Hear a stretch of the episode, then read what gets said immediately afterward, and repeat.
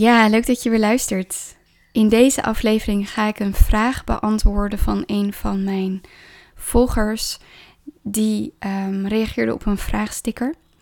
En die vraagsticker uh, stelde eigenlijk de vraag: waar wil jij graag een podcastaflevering over horen? En zij stelde mij de vraag: hoe kun je altijd beschikbaar zijn voor je klanten en tegelijkertijd een goede privé balans houden? Nou, ik vond de vraag aan zich al heel interessant.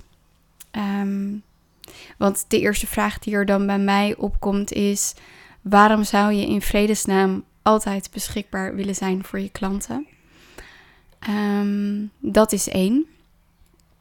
En twee is dus dat ik in deze vraag het onderliggende verlangen hoor van hè, wel in verbinding zijn met je klanten en tegelijkertijd de balans behouden. Nou, deze vraag heeft eigenlijk heel veel verschillende facetten. Want ik denk als je gaat inzoomen op de balans houden hè, tussen werk en privé. En dan het stukje altijd beschikbaar zijn voor je klanten. Eigenlijk dat stuk altijd beschikbaar zijn voor je klanten. Sluit het tweede deel voor mij eigenlijk al uit. Dus je kan niet en altijd beschikbaar zijn voor je klanten. En dan daarin een goede balans vinden. En dit is mijn perceptie. Hè? En dit is ook gewoon vanuit wat ik voor je wens. En hoe ik zie dat de dingen mogelijk zijn. Want ik denk ook dat er onder deze vraag een overtuiging zit dat het belangrijk is. Of dat het waardevoller is om altijd beschikbaar te zijn voor je klanten. Versus soms beschikbaar te zijn voor je klanten. Nou, de mensen die met mij werken, die weten, ik ben zeker niet altijd beschikbaar. Sterker nog, ik heb altijd heel duidelijk gecommuniceerd vanaf het begin. Als je met mij gaat werken, dit zijn de kaders. We werken, um, je kunt mij vraag stellen van maandag tot en met donderdag. Op werktijden, kantoortijden, dus van 9 tot 5. Buiten die tijden verwacht geen reactie van mij. En ik heb ook zeven weken per jaar dat ik niet beschikbaar ben omdat ik vakantie heb. Verwacht geen reactie van mij. En niet omdat ik mijn klanten niet boeiend vind of dat ik uh, niet de bereidheid heb om, om uh, beschikbaar te zijn voor hun vragen. Dat ben ik zeker wel, maar wel binnen die tijden. En waarom? Uh, en dit gaat nu heel erg over mij, maar het is even gewoon een voorbeeld van hoe ik de dingen zie. Ik vind het heel erg belangrijk om echt beschikbaar te zijn voor mijn klanten. Alleen als ik 24/7 aan moet staan om mijn klanten te woord te kunnen staan. dus ik, ik zet eigenlijk de deur wagenwijd open en iedereen kan in en uitlopen wanneer die wil. S'avonds, weekenden, um, elke dag, uh, tijdens mijn vakanties. Hoe kan ik dan um, de rust vinden in mezelf om daadwerkelijk ook vanuit die rust te kunnen uh, antwoorden en beschikbaar te kunnen zijn? Ik vind dat wel iets waar je over na te denken hebt als ondernemer. Wat ik heel vaak zie is het altijd beschikbaar willen zijn, dat dat ook um, bestaansrecht heeft op. als je daar doorheen zou zakken, dan kom je heel vaak bij: ben ik wel goed genoeg? Lever ik wel genoeg waarde? Um, dus ook van als ik deze prijzen vraag, dan moet ik meer geven. Dus dan, nou ja, dan ga ik me maar gewoon 24/7 beschikbaar stellen voor mijn klant. ik zie ook mensen zeggen altijd directe toegang tot mij of ik zit uh, eh, 24/7 in je broekzak. Ja, ik hoop dat dat echt beeldspraak is, want en ik hoop ook dat ehm, als jij van plan bent om met mij te werken, dat je niet die verwachtingen hebt, want ik zie dat als heel onrealistisch. Ik bedoel, ik ben ook niet 24/7 beschikbaar voor mijn Ehm, voor mijn kinderen in de zin van, tuurlijk hè, ik ben wel 24/7 beschikbaar als er echt een urgentie is met mijn kinderen, maar als ik kijk naar gedurende de dag, er zijn momenten dat zij naar school gaan en dat ik dus ook de tijd die ik doorbreng met ze als ik uh, thuis ben, ben met ze en dus vol beschikbaar ben, dat is op dat moment niet als zij op school zijn. En dan, dan is er ook een soort van, ik geef dan op dat moment de verantwoordelijkheid ook voor een groot deel uit handen. Uh, als ik s'avonds even lekker in de tuin met een boekje zit en ehm, mijn kinderen die willen per se iets met mij doen. Of die, hè, die vragen bepaalde aandacht of die willen dat ik ergens naar kijk of iets voor ze doe.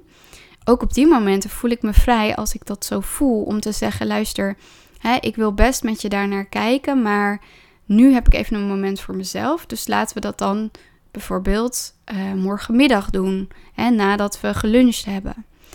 En hetzelfde geldt ook voor je emotionele beschikbaarheid, bijvoorbeeld naar je partner. Je hoeft niet altijd emotioneel beschikbaar te zijn naar je partner. Ehm, het altijd beschikbaar willen zijn, dat legt echt een enorme druk op je. Waarom zou je dat willen? Ik heb niet het verlangen om altijd maar voor iedereen beschikbaar te zijn. En als er dan mensen zijn waar ik wel hè, voor, van voel van oké, als we het dan wel hebben over 24/7 beschikbaar zijn, dan zijn het echt alleen mijn kinderen. Ik bedoel, mijn partners is volwassen genoeg om zichzelf te dragen. En ehm, hè, er zijn momenten dat ik beschikbaar ben om te praten over dingen of om, om te verbinden. Maar als ik met mijn klanten ben, ben ik niet beschikbaar voor mijn partner, want dan ben ik gewoon met mijn klanten. En dan ga ik niet ook nog eens op mijn telefoon kijken of hij iets van mij nodig heeft. Want zo werkt dat niet. Want als ik dat zou doen, en ik zit bijvoorbeeld, ik heb een live dag en mijn, mijn partner die wil dat ik met hem meedenk over eh, wat we vanavond gaan eten. Op dat moment is mijn beschikbaarheid voor mijn klanten. En er zijn momenten dat mijn beschikbaarheid alleen voor mijzelf is. En dat zijn de momenten dat ik tijd voor mezelf neem.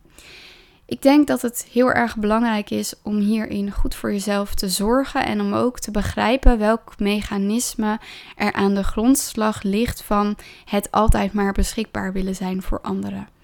En dat kan ook bijvoorbeeld te maken hebben met het, zoals ik dat dan zou noemen, het helpersyndroom. En dat is ook weer een mechanisme wat ook voor mij heel herkenbaar is en wat denk ik voor heel veel coaches en hulpverleners ehm, ook heel vaak aan de grondslag ligt van uh, waarom ze de dingen zijn gaan doen zoals ze ze zijn gaan doen en ook het werk wat ze zijn gaan doen. Maar ik vind ook een aantal dingen die ik nu ga noemen, die nu in me opkomen. Ik vind bepaalde waarden helemaal niet. Um, uh, hoe noem je dat? Er, er, wordt heel vaak gezegd, bijvoorbeeld hard werken, alsof dat iets positiefs is. Of altijd beschikbaar zijn alsof dat iets positiefs is. Of uh, jezelf uh, in. in um, hè, jezelf een soort opofferen voor, voor een groter geheel. Of juist ook voor de ander. In mijn beleving is dat helemaal niet iets goeds of moois of positiefs. In mijn beleving is dat veel meer handelen vanuit trauma en daarmee hopen dat je de liefde en de bevestiging en de waardering ontvangt waar je naar verlangt. En als je dat bij jezelf ontdekt en je kunt zien, hé, hey, oké, dat is wat er speelt. Hè. Ik heb behoefte aan bevestiging. Ik heb behoefte aan de bevestiging dat als ik een x bedrag voor mijn traject vraag, mijn klant ook ehm, mij dat waard vindt. En dat doe ik dan. Hè, de strategie die ik dan bedenk is dus altijd maar beschikbaar zijn. Ja, wat ben je dan aan het oplossen? Dan ben je dus iets aan het fixen, een behoefte voor jezelf aan het vervullen. Ehm, met een strategie naar je klant toe, die uiteindelijk jezelf, maar ook je klant niet dient, want het is gewoon een verdedigingsmechanisme wat je aan het uitspelen bent. En dat is niet wat ik voor je wens. Ik zeg niet dat dat fout is. Ik zeg niet dat je slecht bent. Ik zeg niet dat je ehm, dat gewoon niet moet doen. Ik probeer je alleen bewust te maken van dat dat dingen zijn die spelen en die Ehm, de oorzaak kunnen zijn van het feit dat je in je hoofd zit met ik moet beschikbaar zijn. Dus ik denk dat als je met deze vraag ehm, in je hoofd speelt, dat het goed is om na te gaan. Wat is voor mij de onderliggende behoefte hierin? Of misschien ook wel hè, de angst die er speelt in mij als ik dat niet zou doen. En waar zie ik dat ook in de andere facetten van mijn leven? Doe ik dat ook met mijn kinderen? Doe ik dat ook met mijn partner? Doe ik dat ook met mijn ouders? Doe ik dat ook met mijn vrienden? herken bij jezelf hoe je omgaat met dingen en welke uh, patronen daar eigenlijk onder liggen. Op het moment dat je dat helder gaat krijgen en dat ruimte gaat geven, dan wordt het ook lastiger om uh, daarin door te gaan. Want dan ga je zien, hé, hey, oké, ik ben weer mezelf aan het vertellen dat ik meer moet geven en dat ik daardoor meer waard ben en dat ik daardoor een, een soort van kan, um, hoe noem je dat? Verantwoorden dat, uh, dat ik deze prijzen vraag of hè, dat ik deze plek claim of dat ik dit werk doe. Je hoeft jezelf niet te verantwoorden. Je hoeft jezelf aan niemand te verantwoorden. En je hoeft zeker niet allemaal strategieën te gaan bedenken om jezelf waardevol genoeg te vinden. Want die waarde, die gaat niet, hè, dat is niet, die externe bevestiging gaat je niet die waarde geven. Die waarde die is er al. Het is alleen aan jou om te gaan zien dat er dingen zijn in jou, hè, trauma's, afweermechanismen, die die waarde afdekken. Dat, dat jij dus niet in verbinding staat met de waarde die er eigenlijk al lang is. En ik wens voor je dat je dat gaat ontdekken. Ik vond het een mooie vraag. Ik vond het ook leuk om daar even eh, op in te zoomen. Ik hoop dat het helder is. Eh, misschien een beetje een, um, ja, een onsamenhangend verhaal geworden. Ik hoop dat je er iets uithaalt voor jezelf. En misschien herken je dit ook wel. En als dit waardevol voor je geweest is, dan zou ik het echt super vinden als je me vijf sterren zou willen achterlaten op Spotify.